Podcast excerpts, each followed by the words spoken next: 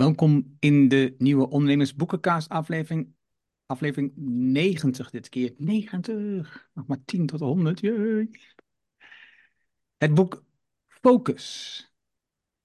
De wereld van ASML. Dat is uh, um, een zeer recent boek. De subtitel is Het machtsspel om de meest complexe machine op aarde. Het boek is geschreven door Mark Heijink. Uh, het is echt net uit. Ehm, hij legde de laatste, eh, onder het nawoord zat de datum oktober 2023. Dus het is nu december 2023, dus kun je nagaan hoe, uh, hoe recent het boek is. hij schrijft voor, als journalist voor de NSC. Maar dit boek is eigenlijk een uh, onafhankelijk project, een eigen project. Wat mede mogelijk is gemaakt door het Fonds Bijzondere Journalistieke Projecten. projecten. het boek hebben wij gekregen van de uitgever, dankjewel daarvoor. Het is, um, ik moet erbij zeggen, ik ben een techneut. In mijn tijd toen ik op de HTS zat, Hogeschool Enschede, heb ik nog uh, geleerd uh, hoe je chips en zo, uh, chips en zo programmeert. Ik heb bij fabrikanten gewerkt. We hebben, wij werkten met chips van Intel om die, de inhoud in die chip te krijgen. En die werden dan opgestuurd onze eigen chips. Dus ik heb, wel een, ik heb wel iets met die wereld, mag ik zeggen, vind ik wel. Er zat ook zo'n fabrikant in deze regio, in Duiven, langs de autobaan.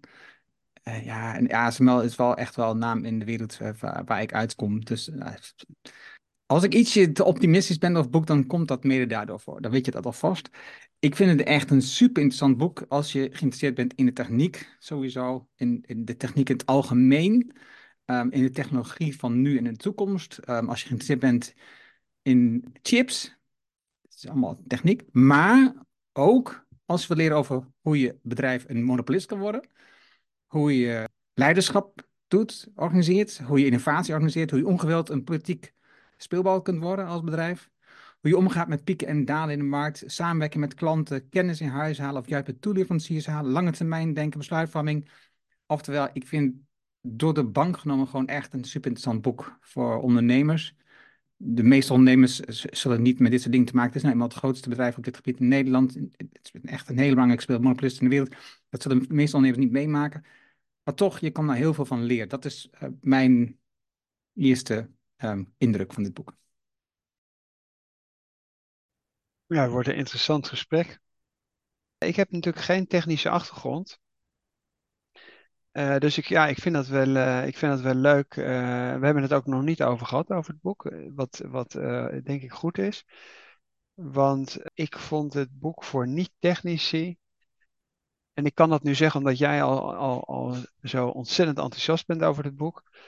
Eigenlijk voor mij, als ik, als ik op dat boek terugkijk, heb ik het gevoel dat ik 300 pagina's eh, lang uitgelegd krijg wat er precies aan die chip aan het veranderen is met ultraviolet licht en uh, wat dan ook. Er zijn ook nog wat andere dingen. Uh, dus ik kan me inderdaad voorstellen voor mensen die informatica gestudeerd hebben, of, of techniek of elektrotechniek, dus de hele beta-wereld, dat het uitermate veel interessanter is dan voor mensen die die technische achtergrond niet hebben. Omdat, ik, omdat die details echt wel, uh, ja, ik vind het, uh, ik vind het echt, wel, echt wel erg veel voor, voor, voor niet-techneuten. en tegelijkertijd vind ik dat andere elementen die aan bod komen, tussen meer behandeld worden. Het hele boek is geschreven vanuit het perspectief van mensen bij ASML. Terwijl nou juist ASML als bedrijfsconcept heeft, en ik vind dat dat wel goed uitgelegd wordt, maar daar komen we dan ook wel uh, op, dat, het, dat modules worden samengevoegd en dat dus die samenwerking met die verschillende spelers, bijvoorbeeld zoals SAIS als voorbeeld, enorm belangrijk is. Alleen daar worden de mensen helemaal niet geïnterviewd. En dat vind ik een enorme tekortkoming.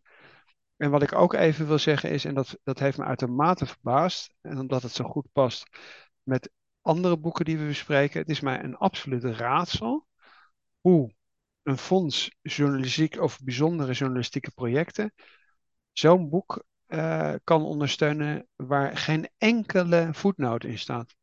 Dus dat is voor, voor ik vind het wetenschappelijk gehalte van zo'n boek. En je hoeft die voetnoten niet te lezen.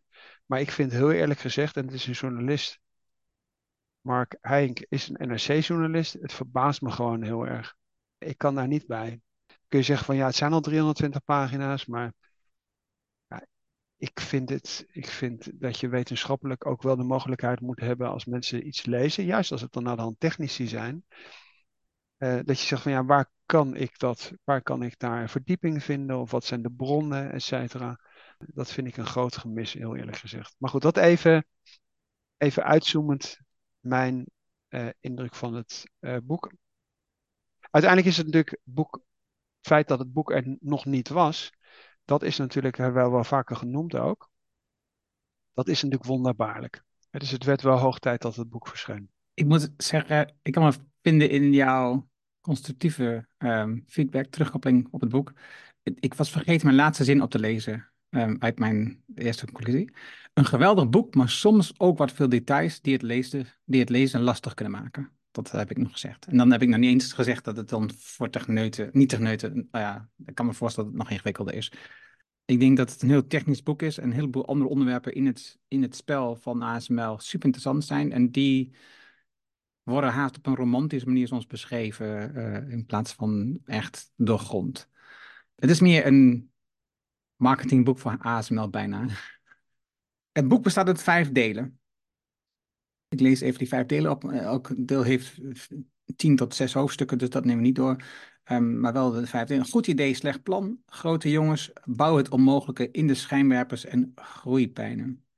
In het eerste deel, een goed idee, slecht plan, bestaat uit zeven hoofdstukken. Dan ontdek je hoe eigenlijk ASML is ontstaan in Veldhoven onder de rook van Eindhoven uit Philips. Het is hoe het uit Philips is getrokken uh, en zelfstandig is geworden. Uh, maar wat je ook ziet is dat nog steeds een vrij nauwe samenwerking met Philips heeft voor een lange tijd. Hè? Dus uh, Philips wil nog steeds op dat moment zelf chips maken, die maakt gebruik daarvan. Ze hebben ook eigen chipsfabrieken op dat moment nog steeds, die ondertussen ook verkocht zijn overigens. En grappig is ook de vermelding dat te midden van um, Centurion, die waarschijnlijk de meeste mensen nog wel kennen met Jan Timmer, de wervelstorm die door Philips ging om alles uh, eruit te snijden die niet nodig was. Zelfs in die periode heeft hij nog financiële middelen gevonden om ASML door die lastige tijd heen te trekken. Anders waren ze waarschijnlijk in die tijd al failliet gegaan. En wat je telkens ziet in elk deel is dat ze, ze hebben over een stuk techniek. Ze beginnen vaak met een stuk techniek over de laser en dat soort zaken. Een druppel, de, de, de wever, al dat soort zaken. Maar ook elke keer weer een stuk over, over de samenwerking met voornamelijk Zeiss. Um, omdat die ook ingewikkeld is, die samenwerking. En in dit eerste deel, in dit laatste hoofdstuk van het deel, zie je dus het, ontstaan van die samenwerking met Zeiss, omdat het maken van die lenzen heel ingewikkeld en vak apart is. En daarvan zegt bijvoorbeeld dus, wat je net al schetste, met die modulewerkingen, um, ASML zegt dan, ik ga die technologie in huis halen. Ik ga gewoon die producten in huis halen van zo'n toeleveranciers. En ik vertrouw volledig op die toeleverancier met een hele nauwe samenwerking om die ontwikkeling samen door te gaan. Wat niet altijd makkelijk is, maar dat komen we zo verder op terug. Dat was mijn eerste korte impressie van het eerste deel. Ja. Wat ik nog daaraan toe wilde voegen is, uh, wat wel interessant is, op bladzijde 27 er wordt even uitgelegd zijdelings dat Philips als strategie had onderdelen te verkopen of op afstand te zetten in joint ventures. En daarna het belang stilaan af te bouwen. Dus ik citeer dat letterlijk. Ik heb overigens ooit nog uh, les gehad van Wisse Dekker in Leiden. Uh, die was uh, toen, ik, geloof, ik weet niet of hij toen nog CEO was van Philips. Maar wat ik interessant zou hebben gevonden, is, en dat sluit aan bij mijn eerdere kritiek, bijvoorbeeld daar gewoon eens te kijken, de concerns die genoemd, worden, dus enerzijds de Japanners, want het was in, in jaren, in jaren ja, 70, 80 was een beetje de indruk, Japan neemt de wereld over. Dus uh, Karel van Wolveren, die Nederlandse journalist, schreef toen een heel kritisch boek over Japan. Uh, je had die Walkman, et cetera, is allemaal weer ver terug. Maar op dat moment leefde men in een fase waar men het idee had, Toyota overigens, automobielindustrie. Op dat moment was eigenlijk de situatie, oh Japan neemt de wereld over. Zoals we nu eigenlijk in een wereld leven waar we zeggen, ja misschien neemt China de wereld over met de nieuwe zijderoute, et cetera. En toen heeft Philips ervoor gekozen te reorganiseren en die onderdelen allemaal af te stoten. Uh, en het zou interessant zijn geweest als, als bijvoorbeeld hier de auteur, hè, dus Mark Heijink, dat ze hebben vergeleken bijvoorbeeld met Siemens, die dat bijvoorbeeld veel minder heeft gedaan, omdat we tegelijkertijd op dit moment de actuele discussie hebben. Wat blijft er van Philips over door dat hele pneu debakel. En is dat nou uiteindelijk een goede strategie geweest? Want dat is die vraag die heel vaak de Nederlanders stellen, ook in combinatie met NatLab. En wat je natuurlijk heel makkelijk zou kunnen doen, is gewoon de beurswaarde optellen van ASML, van Philips, van NXP. Dat vergelijken bijvoorbeeld met Sony of met Siemens en zeggen van nou, het kan best zijn, ook al zou Philips er op een gegeven moment niet meer zijn, er zijn andere dingen voor in de plaats gekomen die veel relevanter zijn en veel waardevoller zijn, et cetera, et cetera. Dat, dat vond ik jammer dat dat niet gecombineerd werd of wordt, omdat op dit moment die discussie in Nederland natuurlijk zo ontzettend actueel is. ASML aan de, op het, aan de ene kant, fantastisch bedrijf, belangrijkste tech, techbedrijf in, in, in, in Europa. Dat is fantastische strategie geweest. Daar duiken we dadelijk in. Hoe is het tot stand gekomen? Maar anderzijds hebben we de discussie, blijft Philip wel, wel overeind of niet? En, en is het een goede strategie geweest, het NatLab min of meer bijna dicht te doen? Dus ik, ja, ik vond het echt jammer. Maar goed, dat even. Ik weet niet of je dat. Misschien dat jij zegt van nou, waar heb je het over? Dat is, uh, dat is me bij dat lezen helemaal niet. Uh, dat is helemaal niet in me opgekomen. Nee, dat is niet in me opgekomen, maar ik vind het wel een goed punt dat je het zegt. En daarom vind ik het ook altijd mooi dat wij dit samen lezen en niet op onze eigen manier naar kijken. En dat je dat van elkaar leert, wat, ze, wat je de voor en tegen zijn van deze verhalen. En dus, nee, dat is me niet opgevallen. Ik heb er ook niet over nagedacht. Want voor hetzelfde geld had je ook kunnen onderzoeken wat als ASML wel al die bedrijven had opgekocht en dat had versterkt. Was het dan nog groter geweest of was, was het dan eerder een failure geworden? Dat weet je ook niet. Geen idee. Maar er zijn, er zijn waarschijnlijk vergelijkbare partijen in de markt waarmee dat wel zou kunnen vergelijken. Overigens, in Europa is het natuurlijk wel Siemens, dus dat is een mooi vergelijk. Dus dat, is kun je goed uh, naast elkaar leggen. Nou, juist omdat ook wordt beschreven dat bijvoorbeeld bij Philips in het begin ook 400.000 mensen werkten. Dus dat zijn natuurlijk aantallen, dat is onvoorstelbaar. Alleen het is alweer interessant te zeggen, ja, hoeveel mensen werken er eigenlijk in Brabant? Of, want het gaat wel elke keer over het, het, het binnenhalen van, uh, van een hele hoop expats. Die in Veldhoven dan ook allemaal een woning moeten krijgen, et cetera. Dat is ook een thema naar de hand in het boek. Dan is de vraag van, ja, hoeveel wat is eigenlijk het verschil tussen het totaal aantal banen in Brabant of in Eindhoven, wat vroeger Philips was? Want dat getal van 400.000 wordt genoemd. En wat is daarvoor in de plaats gekomen en hoeveel banen zijn dat? Of hoeveel omzet is dat? Of hoeveel beurswaarde is dat? En dan had je kunnen zeggen, oké, dat idee van hè, disruptie, Schumpeter, dingen sterven af, nieuwe dingen komen daarvoor in de plaats. Ook een beetje die Amerikaanse logica. Uh, dat is heel gezond. Dus laten we niet huilen over het feit dat Philips wellicht niet meer bestaat, want we hebben daar ASML en uh, eh, NXP voor in de plaats gekregen. Ja, en wat je niet moet vergeten, dat, dat is ook zeker in de regio Veldhoven natuurlijk ook zo. Um, en dat is ondertussen naar meerdere plekken verbreid, is dat er heel veel toeleveranciers zijn enorm uitgegroeid, zoals VDL bijvoorbeeld. Dat is zo'n bedrijf dat enorm gegroeid is onder, uh, onder de groei van ASML. En dat wordt, ja, dat is best wel lastig om uiteindelijk natuurlijk te berekenen hoeveel van de groei van het bedrijf komt weer uit ASML. Hè? Dus nu in Delft is een bedrijf wat zich met de lezers bezighoudt. En, en er zitten heel veel relaties in die ingewikkeld zijn om aan te tonen wat voorheen, zoals bij Philips, allemaal onderdeel was van het bedrijf. Ik weet nog dat hier in het bedrijf zat ook in Doetinchem dat ook een Philips bedrijf, wat uiteindelijk Flextronics werd, waar ze elektronica produceren. Ja, dat, er zaten heel veel bedrijven aan gekoppeld natuurlijk in de regio, wat je niet meerekent, wat uit één keer wegvalt. Maar je kunt dat wel uitrekenen. Dus wat bijvoorbeeld, uh, wat we wel allemaal kennen, ook juist de ondernemers, is die hele PayPal-maffia, waar permanent dan op basis van enerzijds de mensen wordt gezegd, hier, deze mensen hebben ooit bij PayPal gewerkt. Elon Musk, hè? heel goed voorbeeld natuurlijk, maar ook een hele hoop andere. En daar zijn die bedrijven allemaal uh, uit ontstaan. En dan kun je de beurswaarde, uh, even Amerikaans ook bij elkaar optellen. Maar dat zou je ook heel goed kunnen doen. Is voor mij, ik heb die vraag wel. Ik heb, dus die vraag, ik heb die vraag nog steeds, oké, welke strategie is uiteindelijk beter? En, en, en, wat heeft het Nederland, uh, ik zou maar zeggen, opgeleverd? En staan we in principe met ASML en anderen en nu beter voor dan dat we. Of, of ik kan nou niet beter, maar je kunt ook zeggen van oké, okay, er is gewoon iets anders voor in de plaats gekomen. Wat voor de toekomst misschien juist wel een, een, een hele goede zet is geweest. Omdat het produceren van koffiezetapparaten en strijkijzers, ja, daar valt niks meer mee te verdienen. Ja, en dat, en dat, ik moet wel zeggen, dat is ook wel een van de kritiekpunten van, van mij, van dit boek, maar überhaupt van de opzet van, van, van de organisatie rondom ASML, is uiteindelijk gaat het heel veel over de economische waarde van dit, van dit soort zaken. Dat, dat lijkt de enige meetmethode te zijn om te vergelijken of het, of het een goed bedrijf is, ja of nee. En het gaat helemaal niet meer over de menselijke waarde, het gaat helemaal niet meer over de welzijn van, het welzijn van de mens. Maar daar, komen we zo terug, met name in het, deel over groeipijnen. Daar, gaan, daar gaan we daar dieper op in. In deel 2 zie je, over, dit, is, dit is wel mooi. Je maakt voor het eerst kennen Martin van den Brink en uh, Peter Wenning in dit deel. Dat is al echt lang geleden. Maar dat is nu het, het duo dat dus op dit moment de leiding heeft over ASML. Nog steeds. Uh, het zal niet zo heel lang duren, dan gaan ze met pensioen. En, en je ziet hoe zij ehm, in een markt inbreken als een wicht vormen ehm, met Samsung. Die ontevreden is over de Nikon. Nou, je had het net over Japan. Nikon was op dat moment echt, echt de, de speler in de markt. Daar kon niemand omheen. Um, en dus ASML had al een aantal klanten, maar dat waren eigenlijk allemaal kleine spelers in die wereld.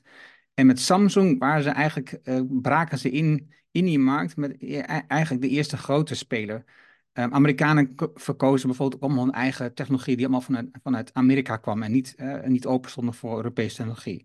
Wat ook bijzonder is, wat ik bijzonder vond in het hoofdstuk, is dat je dus kennis maakt met uh, Doug Dunn. Um, het is, tot dat moment is het een vrij Rijnlands bedrijf. Het is vrij Rijnlands georganiseerd. Maar nu komt Doug Dunn als CEO binnen, een Brit, ehm, die echt die Anglo-Amerikaanse cultuur binnenbrengt. het, cijfermatige um, dus het, ontbreekt bijvoorbeeld een, een, een, slechte periode aan in de, in de markt van de chips. En wat doet Dunn? Die zegt, ja, we gaan gewoon niet bestellen. Ook al hebben we contracten, we doen niks. Dus als wij lijden, als wij pijn lijden, dan lijden jullie ook pijn als leverancier. Heb je gewoon pech gehad. En daar, bijvoorbeeld VDL ging op dat moment bijna, eh, niet bijna, is failliet gegaan. Hebben een doorstart gemaakt binnen drie dagen, um, mede door de samenwerking met ASML. Maar je ziet gewoon dat de Anglo-Amerikaanse gedachtegoed, ja, eh, soms moeten we dingen sterven, dus prima, heb ik geen last van, zolang mijn bedrijf maar blijft bestaan. Een beetje dat gedachtegoed zie je naar voren komen.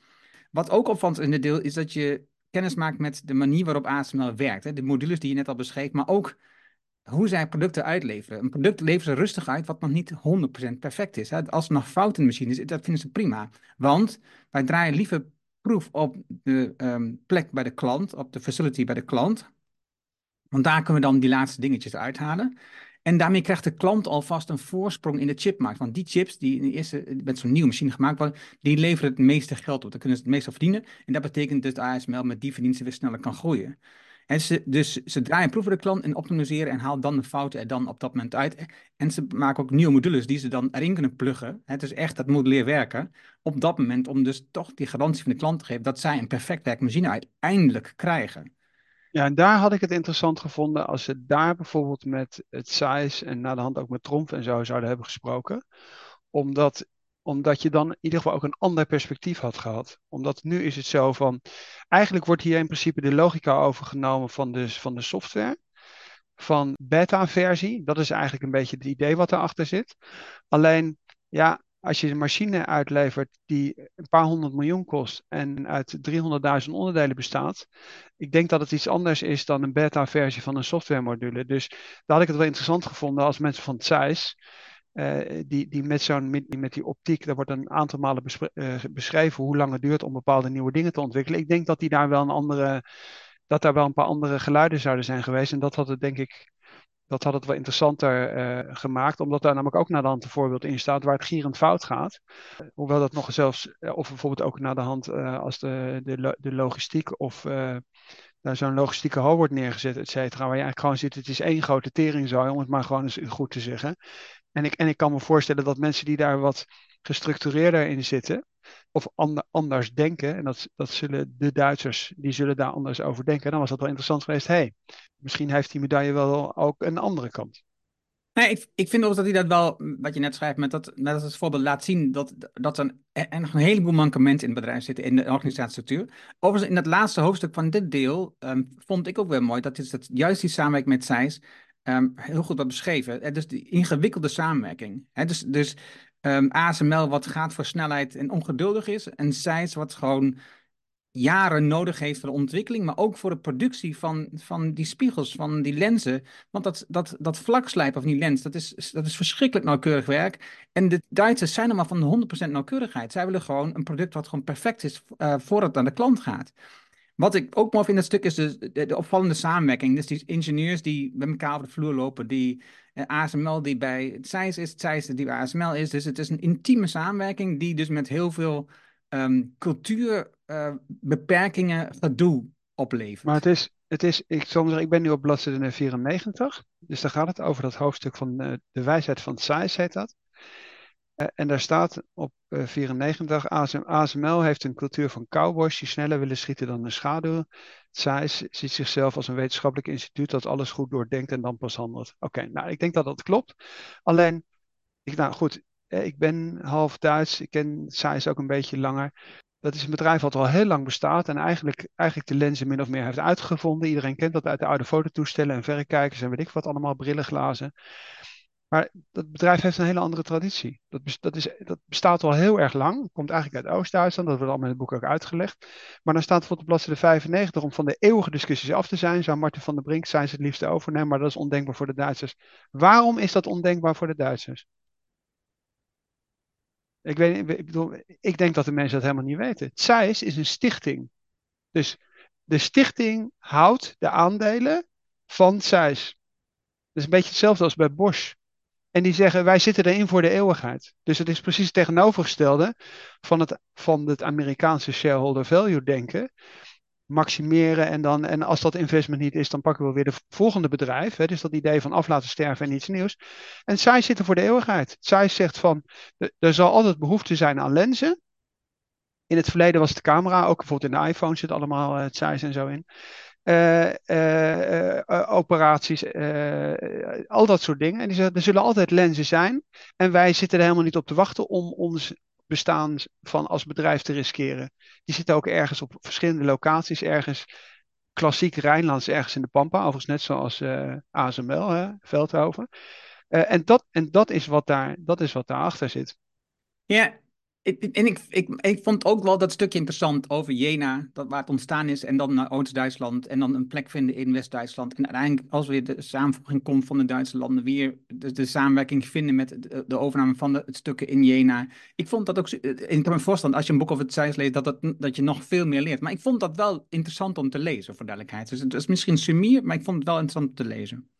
Ja, je, had, je hebt na de hereniging, heb je dus heel veel bedrijven gehad die gevlucht zijn vanuit Oost-Duitsland. Dus, dus in principe na de Tweede Wereldoorlog, die hebben de boel opgepakt. En die zijn ergens anders naartoe gegaan. Dat zijn soms ook gewoon familiebedrijven geweest.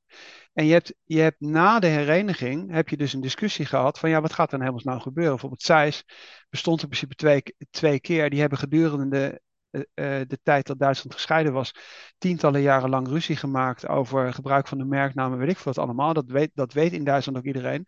En na, na de hereniging, in die, in die fase waar er enorm enthousiasme was, uh, maar ook, ook, ook verantwoordelijkheid, hoe brengen we de boel weer bij elkaar? Dat wordt zijdelings in het boek uitgelegd. Op dat moment was voor het Zeiss, voor die twee ondernemingen, ging het om hoe voegen we de boel weer allemaal bij elkaar?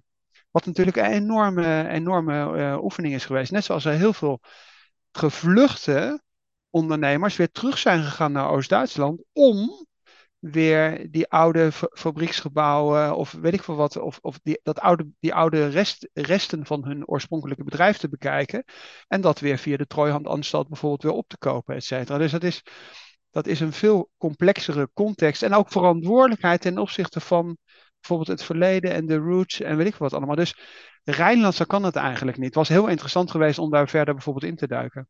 En dan denk ik, eh, over, wat ook nog een stukje terugleert over hoe een aantal van die ingenieurs van Zeiss in die periode van de oorlog werden meegenomen, zeg ik maar even, tussen quotes, door Amerikanen. Dus we hebben al eerder besproken in verschillende uh, boekbesprekingen dat dus de Amerikanen in de tijd van um, na de oorlog best wel veel technologie uit Europa hebben weggezogen. En, geconfiskeerd, zou je kunnen zeggen. En als je ook straks kijkt naar het verhaal over, uh, meteen kom ik terug, over die groeipijnen en, met name over in de schijnwerpers, het stuk waar Amerika zich heel erg bang maakt voor de overname van China.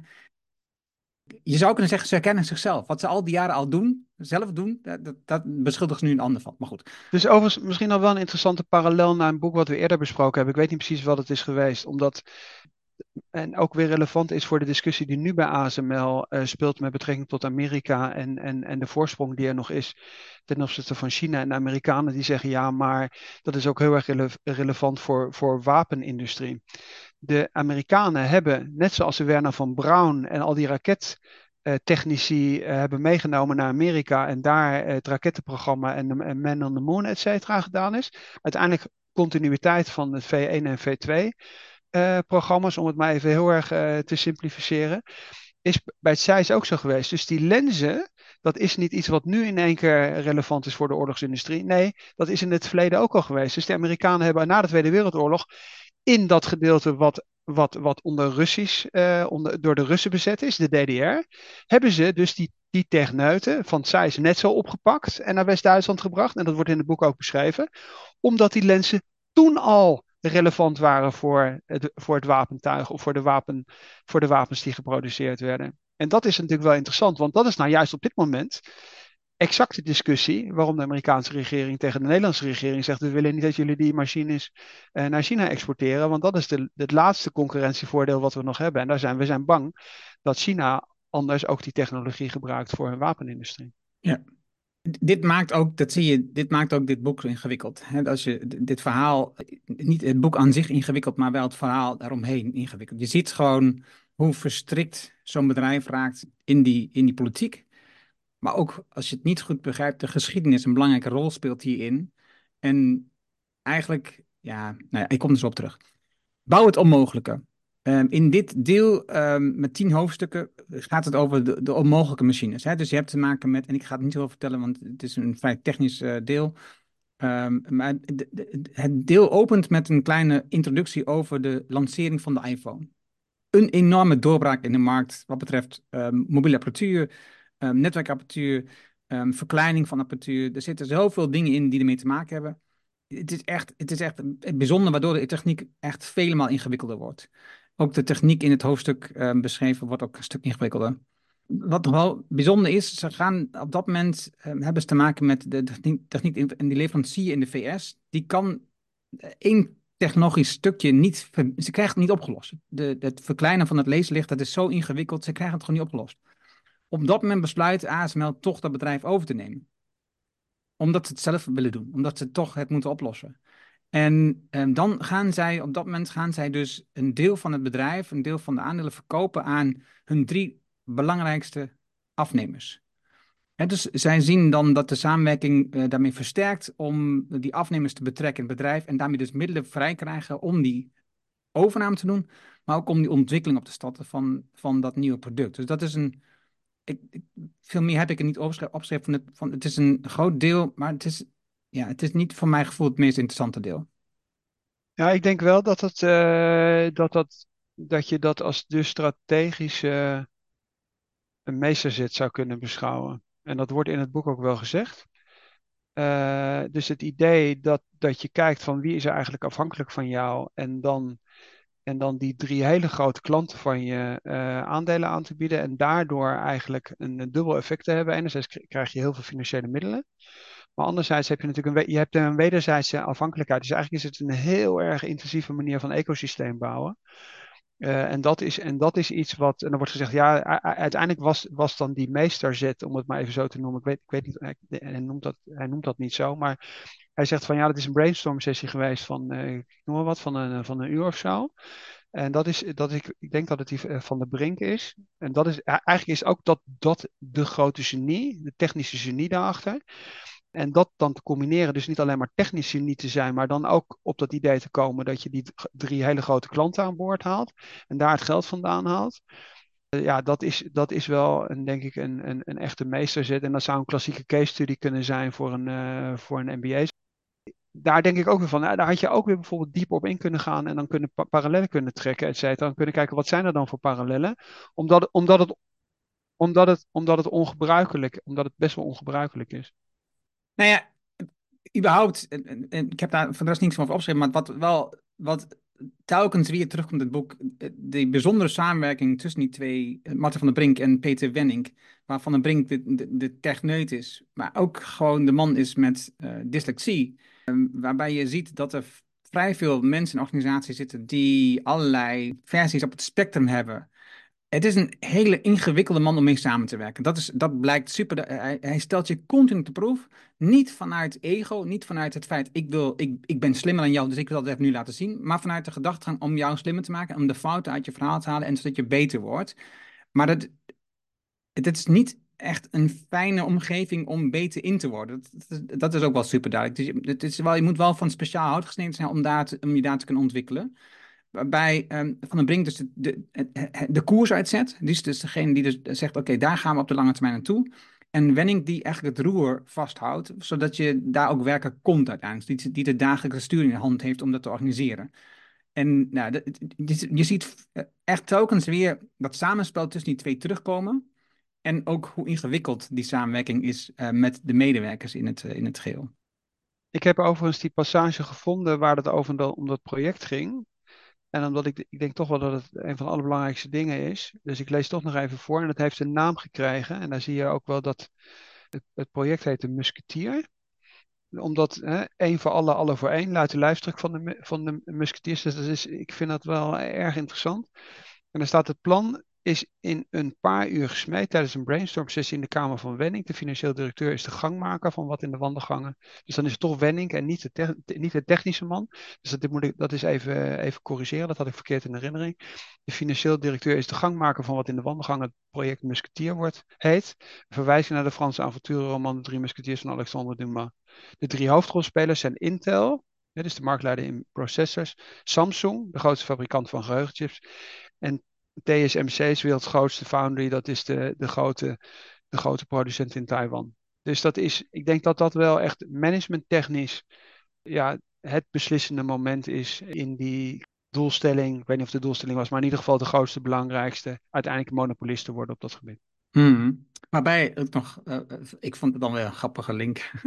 Erik Maurice, ik spreek het vast niet goed uit. De Fransman, die is tussen 2004 en 2013 is hij de topman.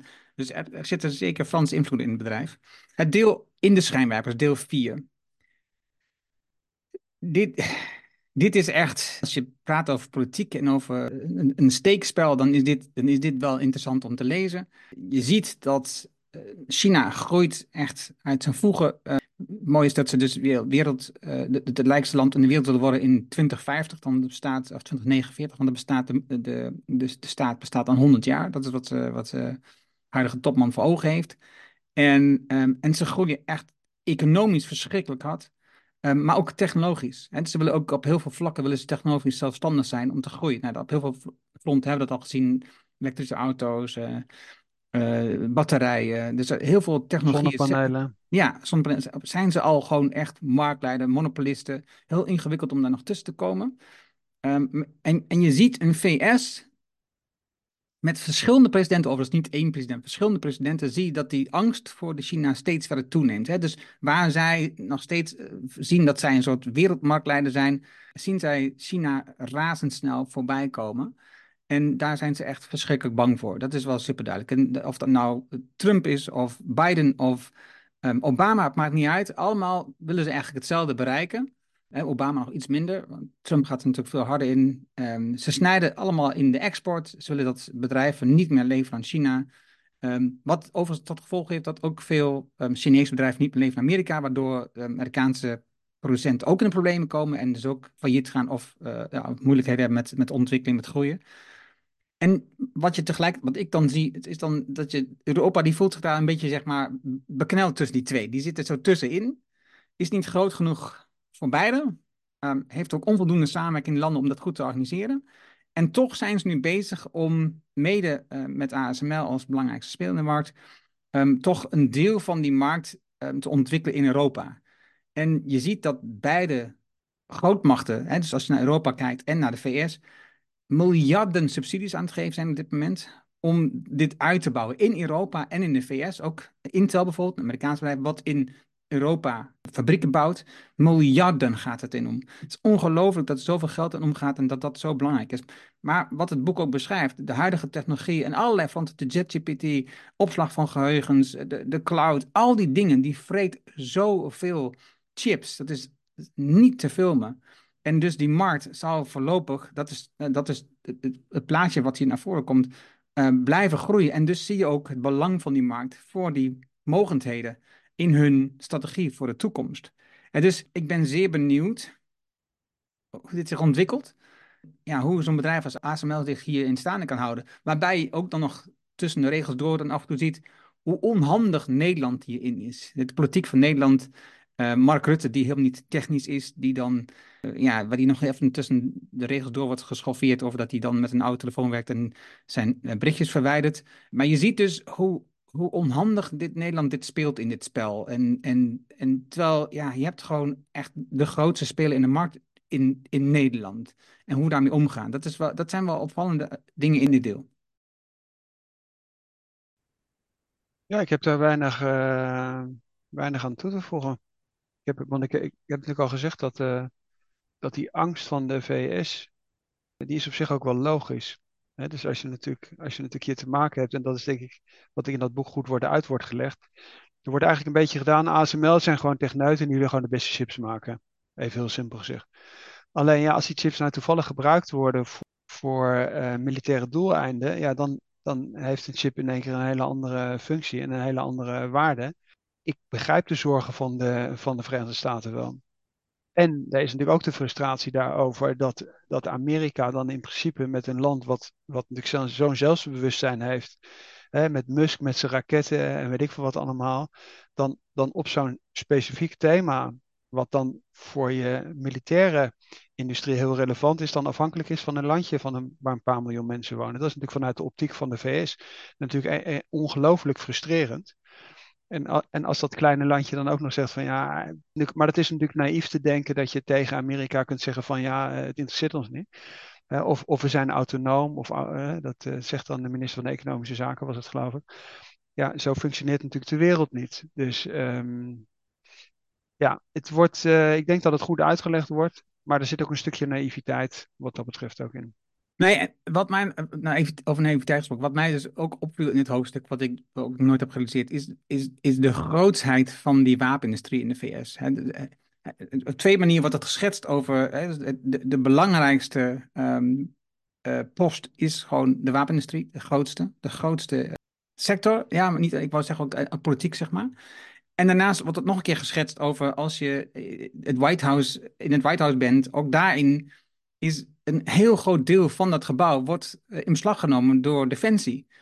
En heel veel besluitvorming eh, vindt zijn fundament op dat defensiegebeuren, de, eh, de, de wapenindustrie. Dus het is wel bijzonder, en naïviteit is voor mezelf ook wel, om te zien hoe, hoeveel invloed dat heeft op het, het spel wat er gespeeld wordt, de politiek spel wat er gespeeld wordt. Je denkt dat het alleen maar gaat over het behoud van de economische voorsprong die ze hebben. Maar dat, nee, het gaat veel meer over de wapens en over de, potentiële oorlogen en, en de sterkste zijn op dat vlak.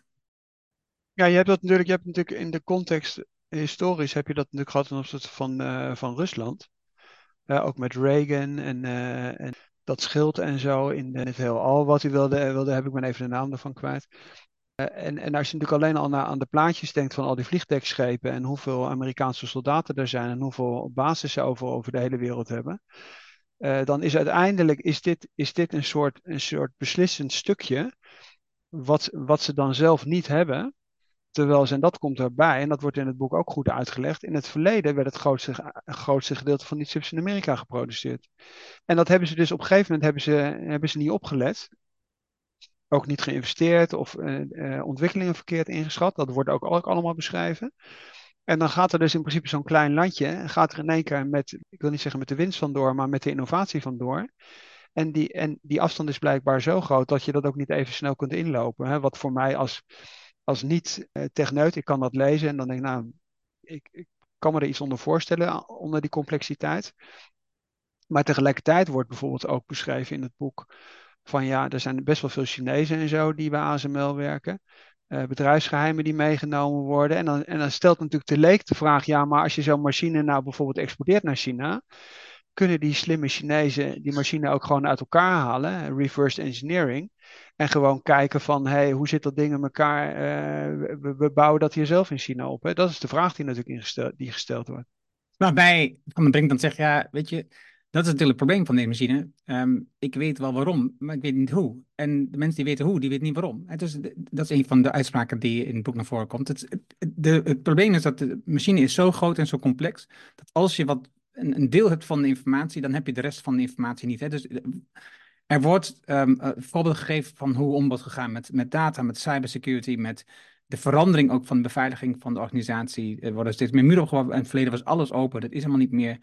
Um, waarbij het ook weer bureaucratischer wordt, wat voor veel mensen weer lastig is. Dus het, is, het, is, het zitten veel dingen in die interessant zijn om, om, te, kijken hoe het zich ontwikkelt, ook in de toekomst. Uh, want als je dan een steeds hogere muur opgooit, uh, hou je dan nog de ontwikkeling vast? Krijg je nog steeds innovatie van elkaar die je met elkaar wilt bereiken, ja of nee? Uh, maar ze hebben wel geleerd van een aantal Chinese collega's die vertrokken zijn met, met, met softwaregeheimen, die een eigen bedrijf zijn gestart en wat ze moeten aanvechten en uiteindelijk ook hebben gewonnen. Maar dat, ja, dat, dat soort dingen, of VDL die dus met een cyberattack um, helemaal plat is gelegd, ja, dat, dat zijn wel bijzondere dingen. In het hoofdstuk groeipijnen. En, en ook hier, dit is een super interessant hoofdstuk, maar, een deel, maar dat wil ik, ja, wij moeten ook uiteindelijk een keer afronden. Wat mij opvalt, is de, de, de bijzonderheid over hoe je zo'n monopoliepositie kunt verwerven. En daarnaast, um, waar je allemaal tegenaan loopt op, op het moment dat je die eenmaal hebt. Want je bent in eerste instantie, wat je al zei, je bent eigenlijk alleen maar bezig met als, als, als techneut een zo goed mogelijk machine te ontwerpen die zoveel mogelijk eh, chips kan produceren. Maar tegelijkertijd um, heb je impact op, um, op energieniveaus. Want die chips die vreten energie.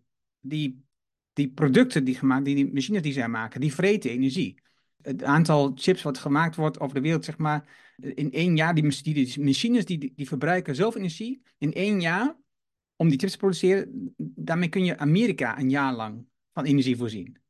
Het is het effect van zo'n enorme positie, van zo'n enorme groei van die technologie, die is ongekend. En als ik met Jan-Willem de Graaf hierover spreek, hè, dan zie je dus dat de technologie zich steeds verder ontwikkelt, omdat we dus niet bewust omgaan met die technologie. Niet bewust nadenken welke keuzes maken we, maar gewoon telkens maar vooruit denken. Ja, we moeten de volgende stap zetten, we moeten aan de volgende ontwikkeling denken. Dat is ook de afsluiting van het boek. Wat laat ik na? Gaat het een beetje over van Van de Brink? Hè? Wat, kan ik nog, wat kan ik nog nalaten voor de volgende? Gaat nog steeds over technologische ontwikkeling. Nog steeds verfijnen van die ontwikkeling. Maar wat het effect daarvan is op de grondstof, de planeet, op effect is van energieverbruik, op, op onze leefwereld, op ons welzijn als mens, als uh, de levende wezens in het algemeen, dat, ja, dat, dat komt maar heel weinig aan bod. En dit deel is voor de rest super interessant, wat je als toen schetste met dat logistiekapparaat, wat volledig um, de boel stillegt met chagrijnige vrachtwagenchauffeurs die uh, niet hun lading kunnen ophalen of kunnen lossen, productjes die niet gevonden kunnen worden het is echt, het is echt één grote chaos. Um, de, de beveiliging die steeds groter wordt in, in vijf jaar tijd van 30 mensen naar 300 mensen. Uh, er zitten zoveel interessante dingen in dit hoofdstuk die duidelijk maken dat als je een moment in zo'n gooivliegwiel zit, dat het heel ingewikkeld is om dat te stoppen. Het is heel ingewikkeld om dat af te remmen. En dus ik ben ook wel benieuwd naar de volgende fase van het bedrijf. Want je bent al marktleider. Je bent al de enige op dit gebied. Uh, hoe, ga je dat, hoe ga je dat organiseren? Hoe ga je zelf de, de stap zetten naar de toekomst, waarbij we een planeet overhouden waar nog steeds mensen en andere levende wezens kunnen blijven bestaan? Ja, wat ik ook nog wel een interessant aspect vind, want jij hebt nu net even duurzaamheid even de, uh, bijgepakt. Dat is op bladzijde 317, dus eigenlijk, eigenlijk de, één na laatste bladzijde. Er komt in één keer een heel stuk over e-, Emmanuel Macron. Uh, die dus uh, de ASML-topman uh, leert kennen. Zo'n Europese roundtable voor in, industriëlen. En, en wat doet Macron natuurlijk? Die zegt, oh, we hebben, we hebben een technologische speler die heel erg voorop loopt en beter is dan China en Amerika. Dat zou eigenlijk de hoeksteen moeten zijn van onze Europese onafhankelijkheid. Nou goed, daar is helemaal geen tijd voor om daar voor de rest heel erg in te duiken, et cetera. Maar het is natuurlijk op zich ook een thema voor zich. Dus omdat ASML laat zien, de Europeanen zijn heel goed in staat om dingen die we normaal gesproken eigenlijk alleen maar in Amerika zien. Denk hè, Elon Musk, raketten, eh, Google, Facebook, weet ik veel wat allemaal. En dit is eigenlijk vele malen complexer hè, dan, uh, dan Facebook, wat heel veel te maken heeft daar toch met, met marktmacht, et cetera. Uh, en Macron zegt natuurlijk, ja, dat zou eigenlijk dat zou eigenlijk een startpunt moeten zijn van uh, de Europese tech-offensief. Daar gebeurt dan weer niks. En dan staat eronder, even zijdelings, Nederland toonde zich een trouwde transatlantische bondgenoot. Maar had zich anders kunnen opstellen. Dat is natuurlijk ook wel weer interessant. Dat, dat daar waar Nederland politiek gezien uh, eigenlijk samen met ASML heel makkelijk naar Duitsland en Frankrijk uh, had kunnen toelopen. En voor een heel groot gedeelte is ASML die eh, assembleert die toestanden. Hè? En niet alleen Saïs, maar ook Trump en dan Leuven, eh, een hele belangrijk gedeelte, et cetera. Dus je zou best wel kunnen zeggen, nou, dat zou een enorm goede uitgangspunt kunnen zijn voor, voor een Europees project. Dat gebeurt dan niet. En wat natuurlijk dan toch wel weer een interessant detail is, is dat as we speak, Rutte in gesprek is om eh, secretaris-generaal van de NAVO te worden. Dus hè, let's combine the dots, uh, om het maar even zo te zeggen. Dus misschien zou dat. Maar ja, Nederland heeft natuurlijk die transatlantische traditie. Ja. Nou ja, en wat denk ik niet eens heel veel mensen weten, maar Frankrijk had jaren gewoon een hele sterke eigen elektronische uh, productie in hun eigen land. Met, met bekende merken als Sagem bijvoorbeeld. En Alcatel, om het wat te noemen, in die, in die uh, telecommunicatiewereld. Want ik kom uit die wereld. En dat zijn ze gewoon verloren dus er zit natuurlijk ook een stukje in van hoe kunnen we, hoe kunnen we dat weer terugkrijgen. Terwijl, jij noemde bijvoorbeeld uh, Science als, als een uh, plek, want je zegt ASML de voorsprong in, in het gebied. In de, maar Science heeft dat natuurlijk ook al een eeuw lang. Uh, dus, dus er zijn meer van het speels in Europa die laten zien dat het gewoon kan op een Rijnlandse manier. Hoef... Trump ook. Ja, we hoeven niet allemaal de Anglo-Amerikaanse werkwijze te volgen. Er is nergens voor nodig om dit op die manier te organiseren. Uh, om kort te sluiten, uh, ik vind het nog steeds een geweldig boek. Ja, er zijn op veel vlakken, kun je zeggen, kan het beter. Dan zou ik zeggen, oké, laten, we, laten we nog twee, drie boeken schrijven over ASML om te kijken hoe we op economisch vlak, hoe we op uh, managementvlak, leiderschapvlak, op uh, historisch vlak, uh, samenwerking. Er zijn zoveel vlakken waar je van kunt leren op dat, op dat gebied. Om te kijken, wat kunnen Europa hiermee, om dit te ontwikkelen? Er zitten zoveel elementen in. Ik, ja, het is, ik denk een, een, een goede start om te ontdekken wat er wel mogelijk is in Europa. Om je wat meer onafhankelijk op te stellen uh, um, als Europa richting China, maar ook richting de VS. Uh, dat je niet telkens in de knel komt en moet kiezen waar ga ik, waar ga ik uiteindelijk voor kiezen. Wat betekent dit voor mij voor de lange termijn? En, en tegelijkertijd voor mij ook wel ja, de, de strijd om monopolist te worden in zo'n wereld, in maakt niet uit welke wereld, levert ook heel veel problemen op. En dat, soms wordt dat gewoon over het hoofd gezien. We hebben die discussie al vaak gehad, jij en ik. Maar ik, ik denk dat dat ook veel gedoe oplevert, wat dat betreft. Dat is mijn uh, afsluiting. Ik sluit me aan bij jou. Het thema is zo groot en zo complex en heeft zoveel verschillende facetten. Uh, dat dat inderdaad ook helemaal niet in één boek uh, te behandelen valt. ik vind het wat dat betreft ook nog steeds een goed boek.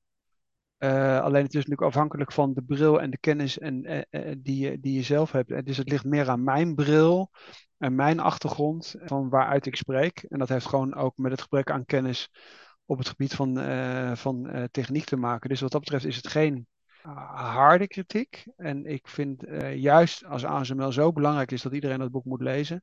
ik denk alleen nog steeds, en dan zijn we weer bij het begin, dat als je natuurlijk die technische bagage hebt.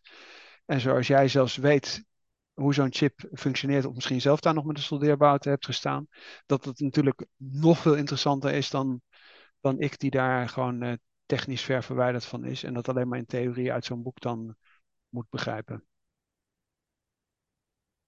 Dankjewel voor het luisteren. Wij gaan op naar de volgende tien, zodat wij de 100 uitkomen, met, waar we een speciale aflevering voor maken. En uh, we hopen je ook bij aflevering 91 weer te horen, wat gaat over groen en gevangen. En weer een actueel boek. Um, en we, spreken je graag in de volgende aflevering. Dankjewel, Tom. Dankjewel, Erno.